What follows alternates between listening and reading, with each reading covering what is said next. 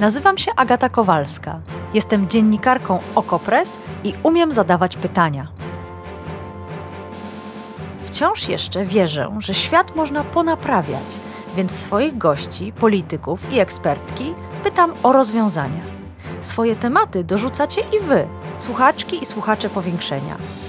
Wspólnie wyrywamy się z pułapki, że nic się nie da i że nic nie ma sensu.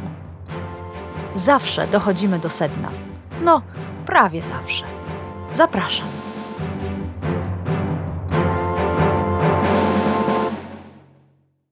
Kiedy miesiąc temu ukazał się reportaż Franciszkańska 3 autorstwa Marcina Gutowskiego, to dyskusje skupiły się oczywiście na głównym bohaterze tego reportażu, Janie Pawle II, który, jak dowodzą dziennikarze, wiedział o przestępstwach pedofilnych w Kościele katolickim i to nie tylko jako papież, ale wcześniej jako krakowski kardynał. My tutaj w powiększeniu również dyskutowaliśmy o znaczeniu tego reportażu i o reakcjach na niego. Odsyłam Was do archiwum podcastu. Ale był w tym materiale czarno na białym TVN24 jeden szczególny moment, który mnie zastanowił. To chwila, w której dziennikarze śledczy próbują zdobyć więcej informacji na temat jednego z księży, których krył Karol Wojtyła.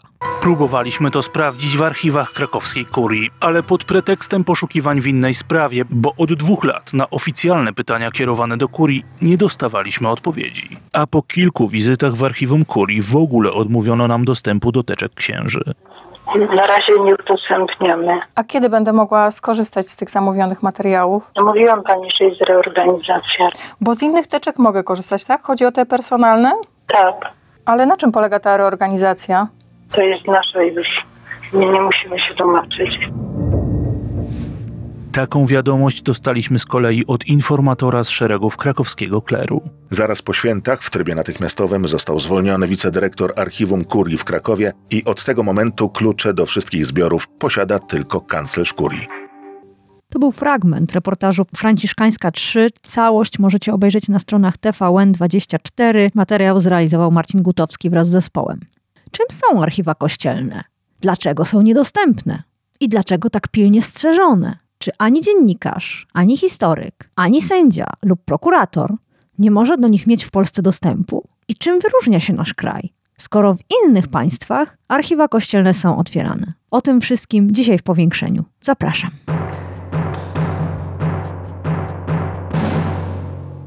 A gościem powiększenia jest Daniel Flis, dziennikarz śledczy Okopres, opisujący na naszych łamach innymi sprawy przestępstw pedofilnych księży i sprawy ukrywających tych przestępców biskupów. Dzień dobry, witaj Danielu. Dzień dobry, cześć. Przyjrzyjmy się pojęciu archiwa kościelne. Do ich otwarcia nawoływał ostatnio Władysław Kosiniak-Kamysz. Dziennikarze zajmujący się sprawami kościelnymi również mówili o tym, że warto by było te archiwa otworzyć, a także odchodzący właśnie z funkcji przewodniczący Państwowej Komisji do Spraw Badania Przypadków Pedofilii również stwierdził, że archiwa kościelne powinny być otwarte. Więc zanim je otworzymy, to powiedzmy, czym one są i czy te zbiory i ich tajność można do czegoś w ogóle porównać, byśmy mogli sobie lepiej uświadomić, o jakich dokumentach mowa. Um, Są na pewno różne poziomy archiwów kościelnych. Może zacznę od tych naj, najciekawszych, najbardziej nas interesujących, to znaczy od archiwów tajnych. Jest specjalny przepis w kodeksie prawa kanonicznego, czyli takim zbiorze przepisów obowiązujących w całym Kościele katolickim na całym świecie, który mówi o tym, że w każdej diecezji musi powstać specjalna tajna kancelaria, tajne archiwum, do którego klucz może mieć tylko biskup. I w tym tajnym archiwum mają być przechowywane dokumenty dotyczące spraw związanych z naruszeniami moralności przez księży. Nie jest to wprost powiedziane, ale no domyślamy się, że chodzi przede wszystkim o przestępstwa seksualne. I w tym archiwum są przechowywane przede wszystkim akta dotyczące procesów księży. To jest to, co najciekawsze, to jest to, do czego chcieliby mieć dostęp prawnicy, badacze, dziennikarze. Do tego dostęp ma tylko biskup. Co więcej, co też jest ważne, co, co jest zapisane właśnie w kościelnym prawie, te akta są regularnie niszczone. Po prostu tak każe prawo. Prawo kościelne. Prawo kościelne. Mhm. A może o niszczeniu jeszcze później. Poza tymi, tym tajnym archiwum są też akta dotyczące poszczególnych księży, każdy ksiądz e, ma swoją taką teczkę osobową, po prostu jako pracownik, powiedzmy, że pracownik danej diecezji i tam są na przykład opinie proboszczów, jest historia jego pracy, czyli w jaki, na jakich stanowiskach pracował, w których parafiach. Mogą być tam też jakieś donosy, na przykład skargi na to, że się, że się źle prowadził, przykład, że pił, czy ale jeśli w jego historii zdarzyły się rzeczy mm, dotyczące właśnie tej sfery, nas interesującej, wtedy te materiały raczej będą przechowywane osobno właśnie w tym tajnym archiwum. Poza tym są też na pewno inne dokumenty, które są związane z życiem diecezji, na przykład jakieś spotkania rad e, różnych ciał w diecezji, na przykład spotkania Rady Ekonomicznej, sprawy dotyczące budowy kościołów i tak dalej. Tego typu informacje też są archiwizowane ale no, są dla nas jakby już najmniej interesujące. A ty, jako dziennikarz śledczy, miałeś kiedykolwiek do czynienia z archiwami kościelnymi? Miałeś je w ręku? Zostałeś dopuszczony do jakichś teczek? Jak wygląda twoja praca w tym kontekście? Nie dostąpiłem takiego zaszczytu, ale wiem, że zdarzało się już wcześniej, że takie akta, akta procesów kościelnych dotyczących przestępstw seksualnych były udostępniane sądom czy prokuratorom. Także ta sprawa, która ostatnio wyszła na jaw, która była głośna z, z Poznania, nie jest pierwszą. Natomiast y, są to sprawy bardzo rzadkie i zawsze, zawsze udostępnianie tego typu akt no, wiąże się z trudnościami. To o Poznaniu jeszcze powiemy, bo to jest rzeczywiście szczególny przypadek, ale chciałam trochę cofnąć się w czasie. Dziennikarze Boston Globe z zespołu śledczego Spotlight Powstał zresztą film opisujący ich historię. I w tym filmie jest taka scena, kiedy oni wertują dostępne publicznie księgi kościelne, które przypominają nieco książkę telefoniczną, i wyszukują w nich powtarzalne słowa. W ten sposób zaczyna się ich śledztwo dotyczące procederu przenoszenia księży z parafii do parafii. I to jest taki początek. Oni nie muszą wtedy czekać na zgodę kościoła, oni nie muszą nigdzie wkradać się z ukrytą kamerą, oni mają dostęp do pewnych początkowych dokumentów. Czy w Polsce taka scena mogłaby być nakręcona? Czy my mamy dostęp do takich danych publicznie? Próbowaliśmy powtórzyć tę metodę z kolegą z redakcji, z Sebastianem Klauzińskim, kiedy obejrzeliśmy Spotlight. Poszliśmy do Biblioteki Narodowej, żeby przeszukać tego rodzaju dokumenty. One się nazywają rocznikami diecezji albo schematyzmami. I są trzymane w Bibliotece Narodowej? Naprawdę? Okazało się, że tylko niektóre diecezje wysyłają, a jeśli to robią, to nieregularnie. I kiedy je przeglądaliśmy, no, nie natrafiliśmy na tego rodzaju wzór, e, regularność, którą zauważyli dziennikarze Boston Globe. To znaczy, nie było tak, że księża, którzy są przenoszeni z powodu przestępstw seksualnych, są przenoszeni pod tym samym pretekstem, czy właśnie jakimś kryptonimem.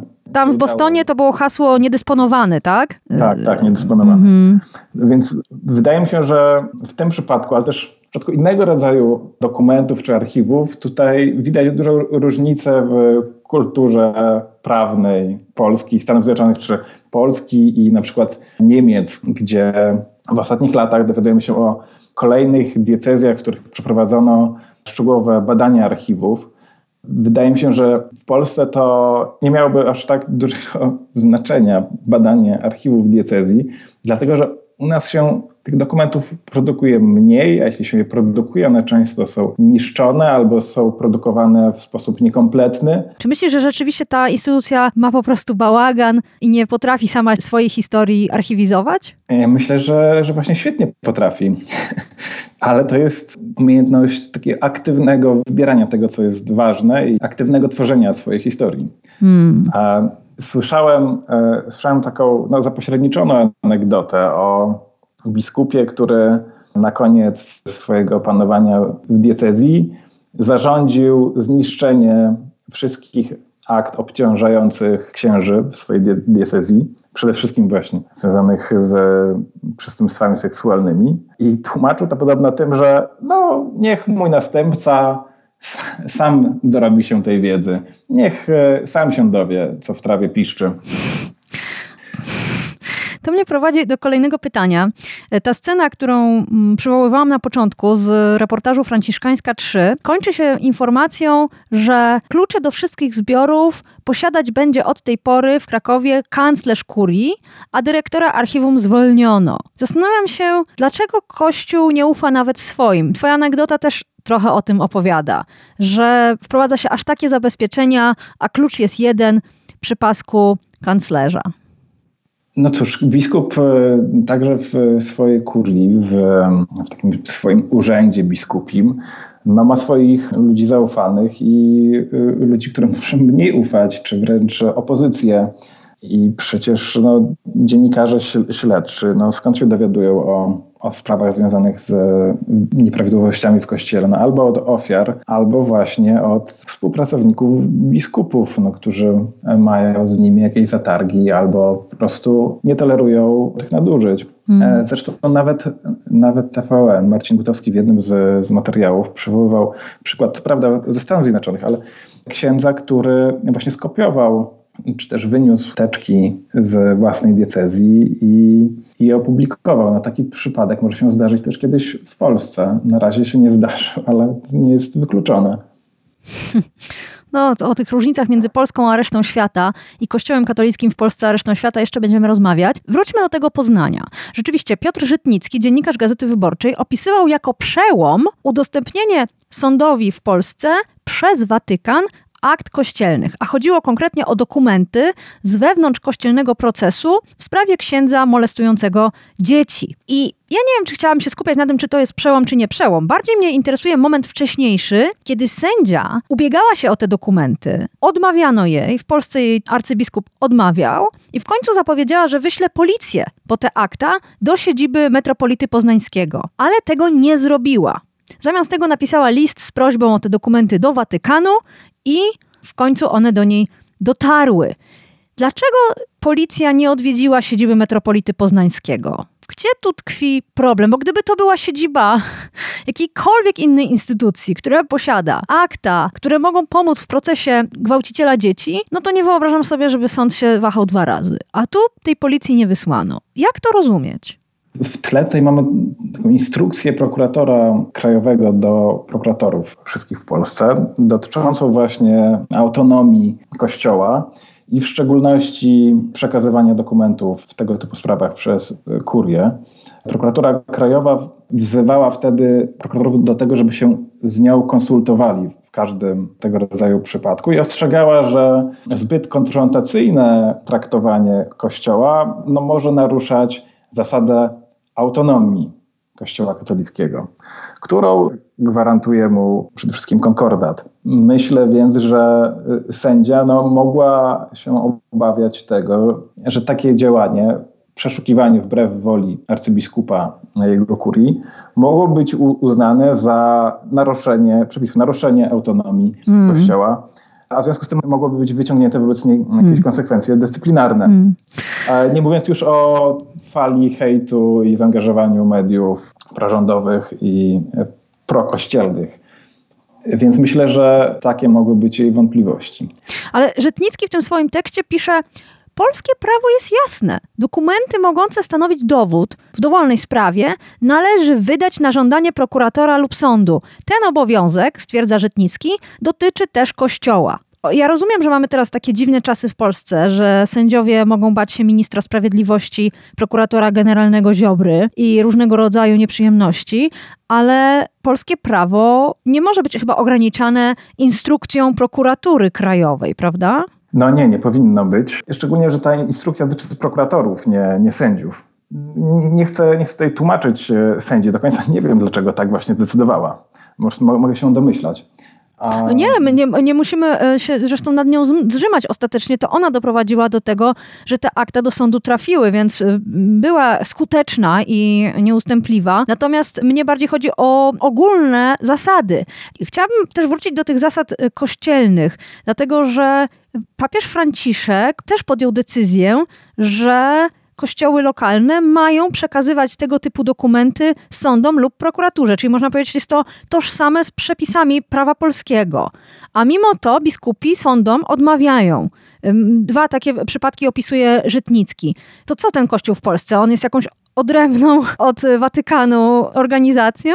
No właśnie, z jednej strony papież mówi o, o, o tym, że należy współpracować e, z sądami, z wymiarem sprawiedliwości, ale z drugiej strony jego nuncjusz, jego przedstawiciel w, w Polsce rozesłał biskupom w 2021 roku instrukcję właśnie zalecającą, żeby biskupi odsyłali sądy czy prokuraturę do Watykanu. To znaczy, żeby nie oddawały żadnych akt w tego typu sprawach, tylko zalecały występowanie do stolicy apostolskiej. No mamy tutaj PR-owy przekaz oficjalny i e, no, rzeczywiste działania, które im przeczą. No, papież najwidoczniej chce kontrolować przepływ informacji dotyczących e, przestępstw seksualnych księży i możliwe, że w szczególności w Polsce, bo w ostatnich latach tutaj dzieje się wyjątkowo dużo w tej kwestii i jesteśmy takim poligonem doświadczalnym, bo chyba w żadnym innym kraju na świecie w ciągu kilku ostatnich lat nie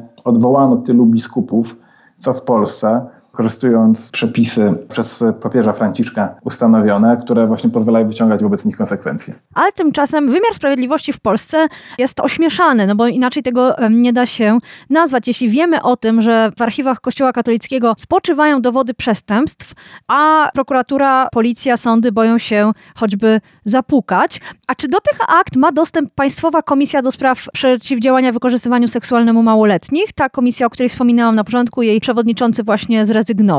No ona ma taki sam dostęp jak e, prokuratura, to znaczy, albo może nawet słabszy, bo ona nie może wystawić nakazu przeszukania. Prosiła, prosiła o udostępnienie akt, dostała odpowiedź odmowną, albo być może też była odsyłana do stolicy apostolskiej.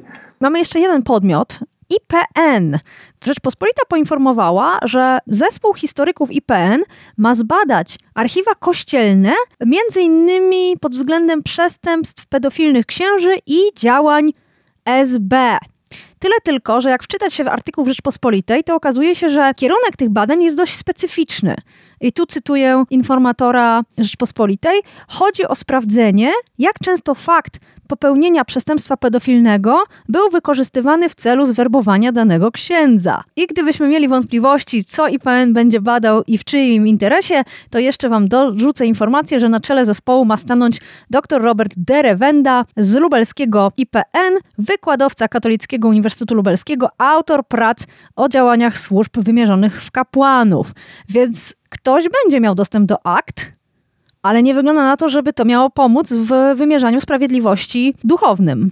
No tak, tym bardziej, że ta część archiwum, o, o której mówię na, na, początku, na pewno też dla y, badaczy IPN-u nie będzie dostępna. A nawet gdyby teoretycznie była udostępniona, no to musimy pamiętać, że te akta są regularnie niszczone. Co roku biskup ma obowiązek, zgodnie z prawem kanonicznym, niszczyć akta tego rodzaju starsze niż 10 lat. Starsze niż 10 lat? To nawet krócej tak. niż przestępstwo pedofilne w prawie polskim. Tak, jeśli zapadł wyrok skazujący w wewnętrznym kościelnym procesie, wtedy zostawia się tylko wzmiankę na zdanie lub dwa dotyczącą tego, czego dotyczyła sprawa, jaki zapadł wyrok.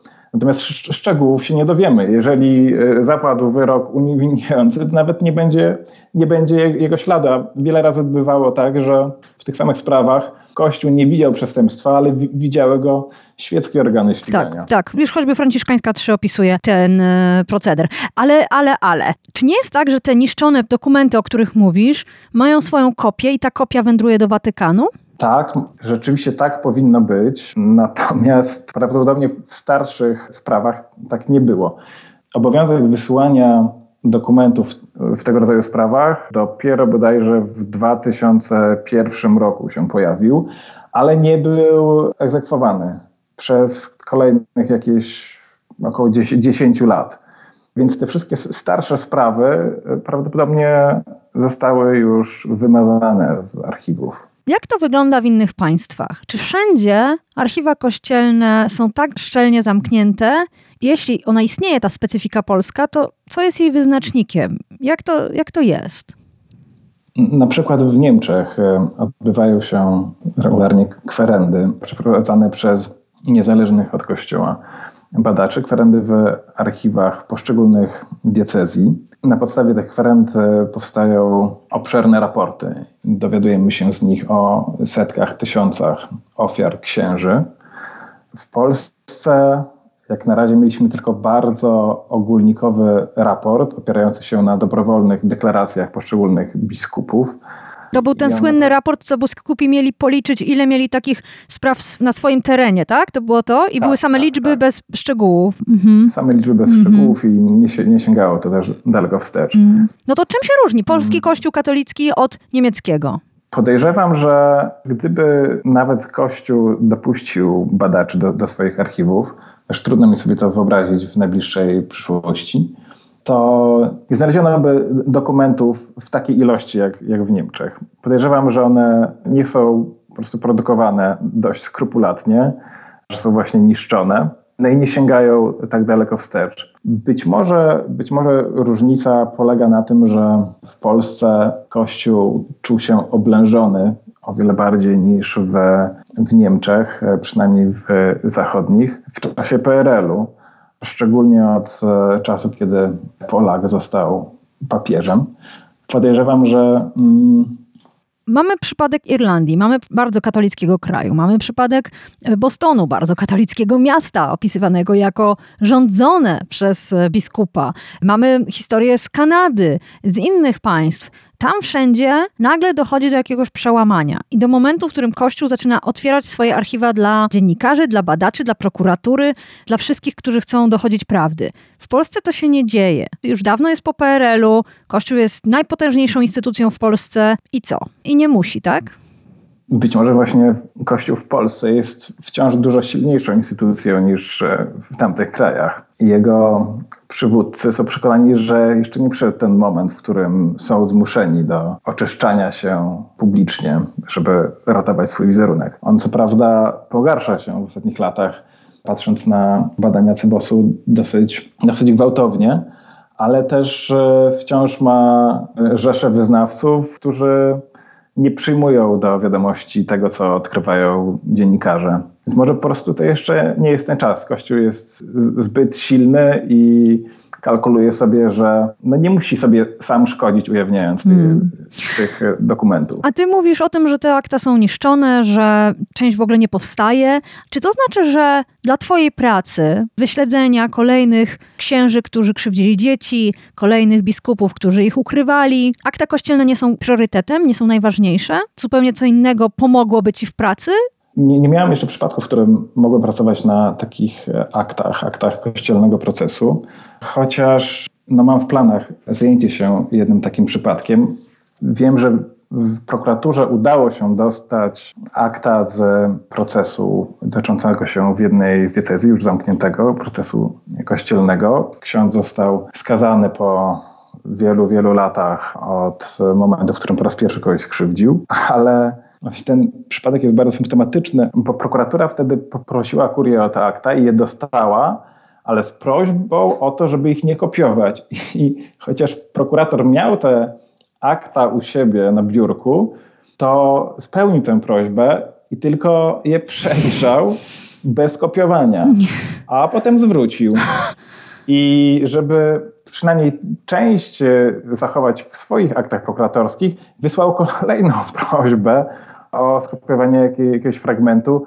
Mm, jeszcze nie wiem, czy została pozytywnie rozpatrzona, ale zdaje się, że nie i to, co, w co będę miał teraz wgląd, to jedynie raport psychologa, czy też psychiatry, który akurat wtedy miał wgląd w akta prokuratorskie i mógł przeczytać też te akta kościelne i na podstawie jego opinii jako biegłego i jego notatek mogę się dowiedzieć, co było w tych aktach kościelnych, bo on widocznie nie był aż tak przerażony perspektywą złamania biskupiego zakazu. Mówimy cały czas o wymiarze sprawiedliwości w teoretycznie świeckim państwie, którego funkcjonariusze tak boją się kościoła, że trzymając przed sobą akta kościelne, robią z nich tylko notatkę. Wymieniłam w czasie naszej rozmowy kilka różnych podmiotów: dziennikarzy, historyków, IPN, Państwową Komisję do Spraw Przeciwdziałania Pedofilii, prokuraturę, sądy. Mam wrażenie, popraw mnie, mam nadzieję, że się mylę, ale mam wrażenie, że w Polsce ci, którzy opisują zbrodnie Kościoła katolickiego, nie mają dostępu do archiwów kościelnych,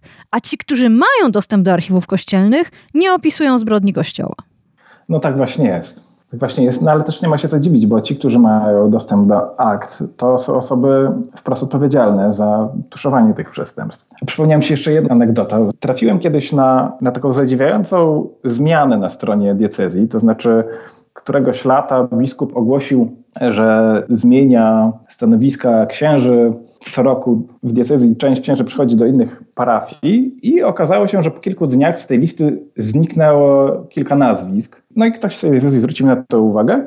Okazało się, że ci księża to byli księża, którzy kiedyś byli oskarżani o przestępstwa seksualne i jednemu udowodniono je, innemu nie. Kiedy zapytałem o diecezję o przyczyny tej zmiany, rzecznik przyznał mi, że no, robią coś w rodzaju remanentu w swojej diecezji i sprawdzają, co się dzieje e, ze starymi zgłoszeniami, czy były wiarygodne, czy nie. No i e, wkrótce opublikują raport o tym, co im, co im wyszło na podstawie tych badań. Oczywiście to było kilka lat temu, żadnego raportu się nie doczekaliśmy. Ci księża po prostu zniknęli.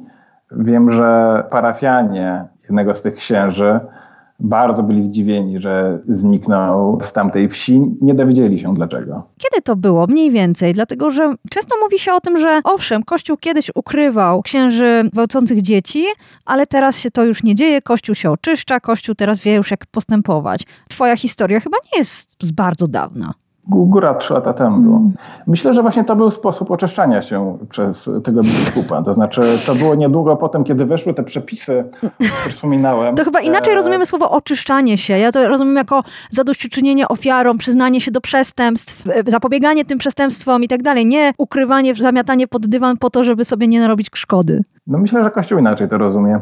Myślę, że to było tak, że ten biskup uznał, że w świetle tych nowych przepisów, które e, grożą mu usunięciem ze stanowiska, dobrze jest przejrzeć te wszystkie e, śmierdzące sprawy sprzed lat, o których wiedział albo ktoś musiał mu podpowiedzieć. I uznał, że lepiej przeprowadzić właśnie wszystko formalnie, dokończyć te procesy, które przed wielu laty być może były wszczęte, ale byle jak i zawieszone. I pewnie te procesy przeprowadził. Być może ci księża zostali właśnie skazani, albo i nie, to już drugorzędna sprawa. Najważniejsze dla tego biskupa było, jak się domyślam, żeby formalnie wszystko było czyste i nikt, nikt, żaden dziennikarz nie mógł mu wyciągnąć e, po latach, że był jakiś ksiądz, którego on nie ukarł, albo przynajmniej nie wszczął procesu kościelnego w jego sprawie. I teraz nawet jeżeli bym się udało wyciągnąć informacje o tych księżach i okazałoby się, że oni rzeczywiście krzywdzili dzieci, a biskupi przez lata wiedzieli o tym, no to ten biskup może powiedzieć, no ale przecież ja zrobiłem wszystko to, co powinienem zgodnie z literą prawa. No nie wszystko, bo zgodnie z literą prawa, jeśli wie się o przestępstwie pedofilnym, to jak i każdym innym przestępstwie, to należy powiadomić służby nie kościelne, tylko świeckie, państwa polskiego. Ale jeśli te sprawy były przedawnione, to takiego obowiązku już nie ma. I wtedy rzeczywiście ten biskup jest czysty. A to, że ofiary nie doczekały się sprawiedliwości, no to już inna sprawa. Daniel Flis, dziennikarz śledczy Okopres, opisujący sprawy przestępstw pedofilnych księży, opisujący sprawy ukrywających ich biskupów. Bardzo Ci dziękuję za to spotkanie. Dziękuję.